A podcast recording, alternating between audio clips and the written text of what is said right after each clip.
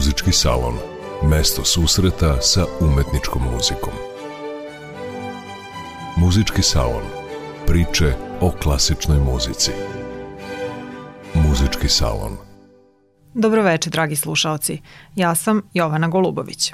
Minute večerašnje emisije posvetit ćemo umetniku sa južnoameričkog kontinenta, najznačajnijem muzičkom autoru Brazila, Eitoru Vila Lobosu. Mnogi ga smatraju i najistaknutijim kompozitorom Južne Amerike uopšte, a sa opusom koji broji više od hiljadu i po dela, svakako je među najplodnijima. Rođen je 1887. u Rio de Janeiro, gde je i preminuo u 73. godini 1959. Pisao je za najraznovrsnije instrumentalne sastave, u skladu sa brazilskom narodnom muzičkom tradicijom, u kojoj se portugalski folklor prožima sa muzikom domorodačkih indijanaca i afrikanaca koji su kao robovi dovođeni u Brazil.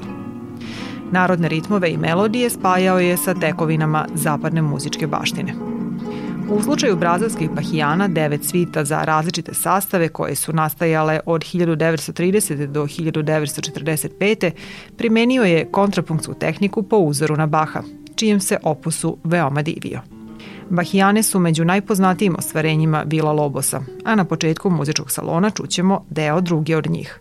Napisana je za mali orkestar koji čine 10 duvačkih instrumenta, uobičajena gudačka sekcija, klavir, čelesta i udaraljke – među kojima su standardni instrumenti i četiri brazilske narodne zvečke. U njoj Vila Lobos opisuje scene iz seoskog života u Brazilu.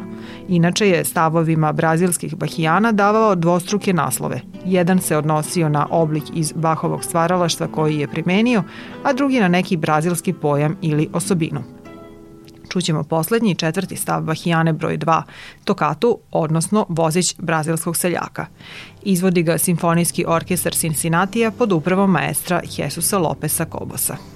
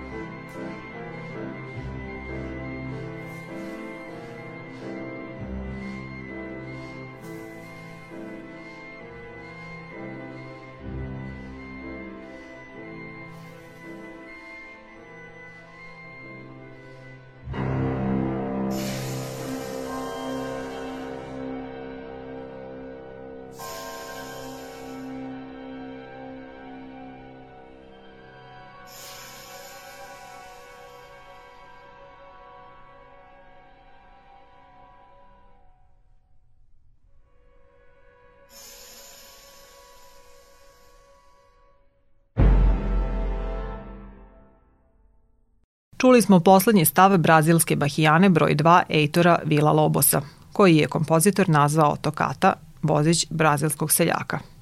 Izvođenje je Simfonijskog orkestra Cincinnati pod dirigentskom palicom Jesusa Lopesa Kobosa. Da bi dočarao karakterističan zvuk malog voza u brazilskim brdima, kompozitor je koristio narodne udaračke instrumente poput ganze, čokola, matrake, koja je vrsta čegrtaljke, i reko reka – Vila Lobos je ostavio poseban pečat u istoriji muzike kao neko ko je upotrebljavao i spajao najrazličitije instrumente i sastave koji su svojstveni brazilskoj popularnoj kulturi, a koji do tada nisu predstavljeni u umetničkoj muzici. Inspirisali su ga latinoamerički popularni žanrovi, pre svega brazilski šoro, jedan od najautentičnijih žanrova koji je nastao sredinom 19. veka. Milo Lobos je na temelju folklorne tradicije stvorio i umetnička istoimena dela za koja je govorio da predstavljaju sintezu različitih tipova brazilske muzike. U 14 šora, koliko je napisao, stilizovao je i modifikovao tematski materijal narodnih šora. Među njima ima onih pisanih za jedan instrument, prvi je za gitaru, peti za klavir, zatim za instrumentalne i vokalno-instrumentalne kamerne sastave, ali i veliki ansamble, orkestar ili orkestar i hor. To su kompozicije najrazličitijih dužina. Neke traju oko 3 minuta, dok neke imaju dužinu romantičarske simfonije, poput 11. šora za orkestar i klavir koji je solistički tretiran. Svih 14 komponovao je između 1920. i 29. a deo tog perioda proveo je u Parizu. Drugo Vila Lobosovo delo koje ćemo čuti večeras je treći šoro za muški hor i sedam duvačkih instrumenta. Izvode ga hor i simfonijski orkestar Sao Paula, a diriguje John Nashling.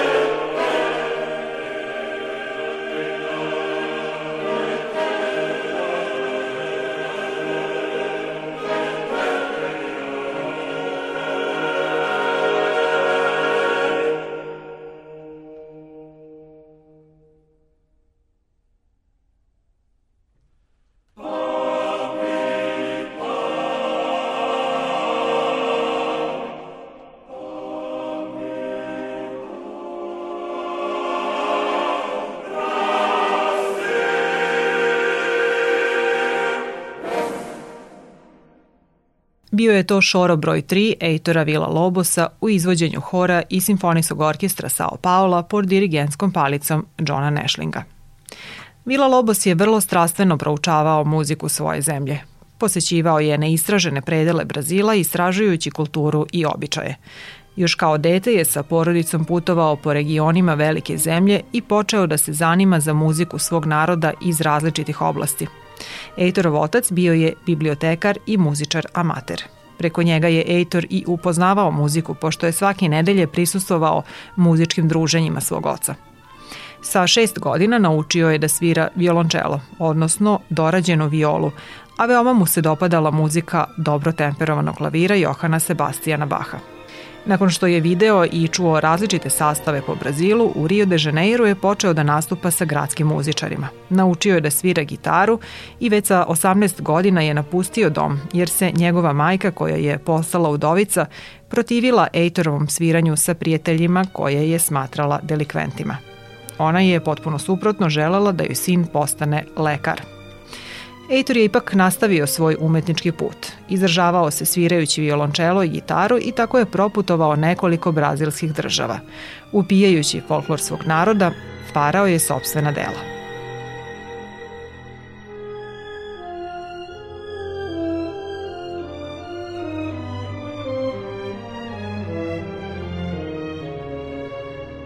Bila Lobos je kao kompozitor bio samouk. Upisao se na Nacionalni institut za muziku u Rio de Janeiro, ali je tu ostao vrlo kratko.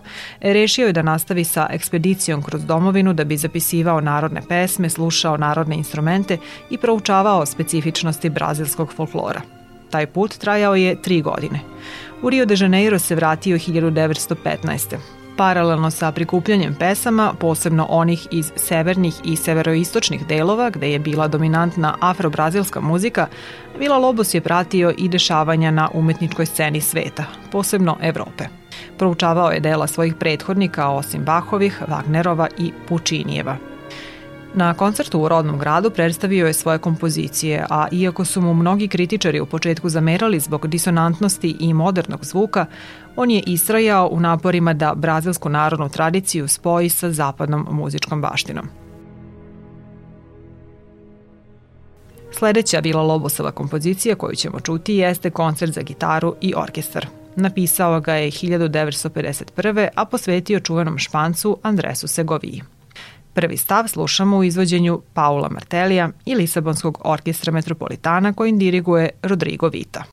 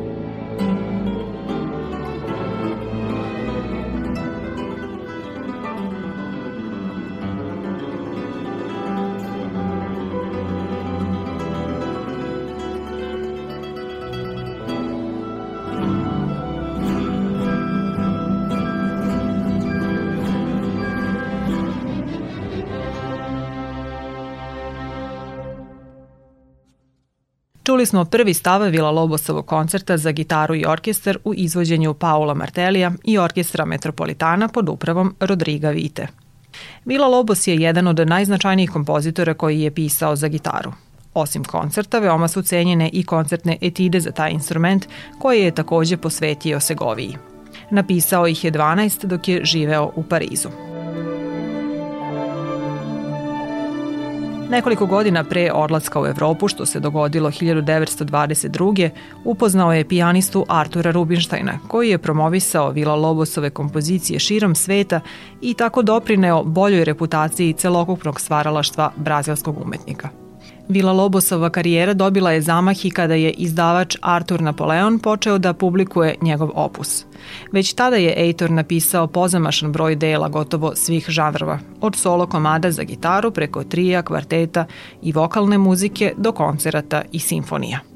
Od 12 simfonija koliko je komponovao, pet je napisao pre odlaska u Pariz, odnosno do 1921. godine, a sve su posvećene zbivanjima u Prvom svetskom ratu i preostalih sedam takođe aludira na istorijski događaj ili mesto, a one su nastale dosta kasnije, između 1944. i 58. Tokom boravka u Francuskoj proučavao je dela Debisija i Stravinskog, nastupao i organizovao brojne koncerte, ali i objavio više kompozicija, čime je učvrstio međunarodni ugled i stekao veliku popularnost.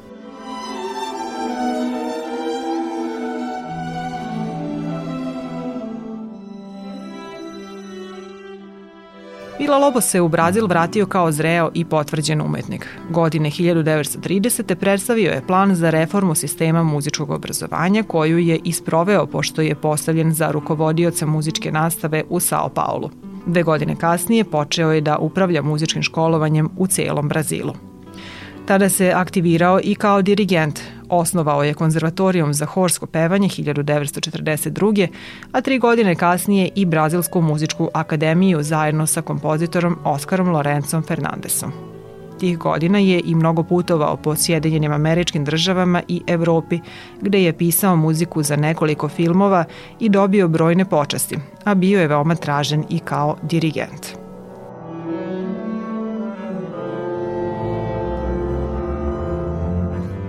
Praveći jedinstven spoj tekovina zapadne umetničke muzike i brazilskog folklora u kompozicije je uneo mnoštvo boja. Osim pomenutih dela, među značajnije ostvarenja brazilskog umetnika ubrajaju se i simfonijske poeme, Tičica u Irapuru, Amazonija, Zora u tropskoj šumi i druge u kojima kompozitor predstavlja prirodne lepote rodne zemlje. Pisao je i koncerte za violončelo, za harfu, klavir kao i za harmoniku, brojne solističke i kamerne kompozicije za različite sastave, među kojima i 15 gudačkih kvarteta. Autor je i kantata, opera i baleta.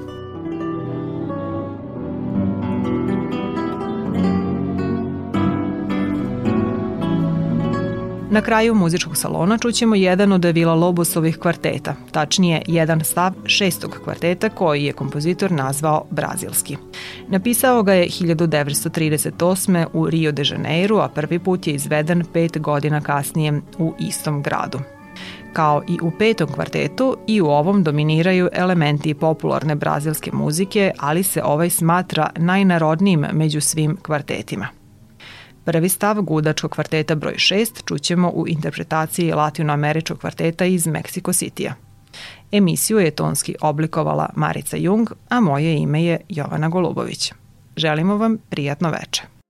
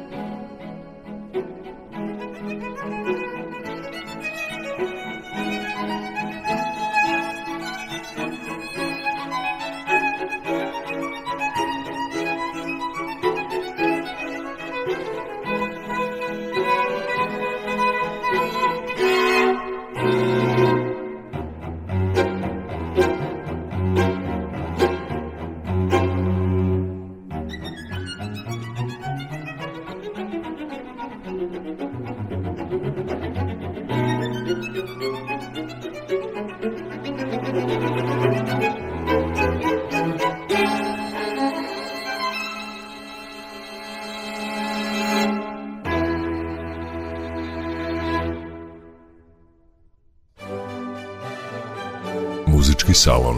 Mesto susreta sa umetničkom muzikom. Muzički salon. Priče o klasičnoj muzici. Muzički salon.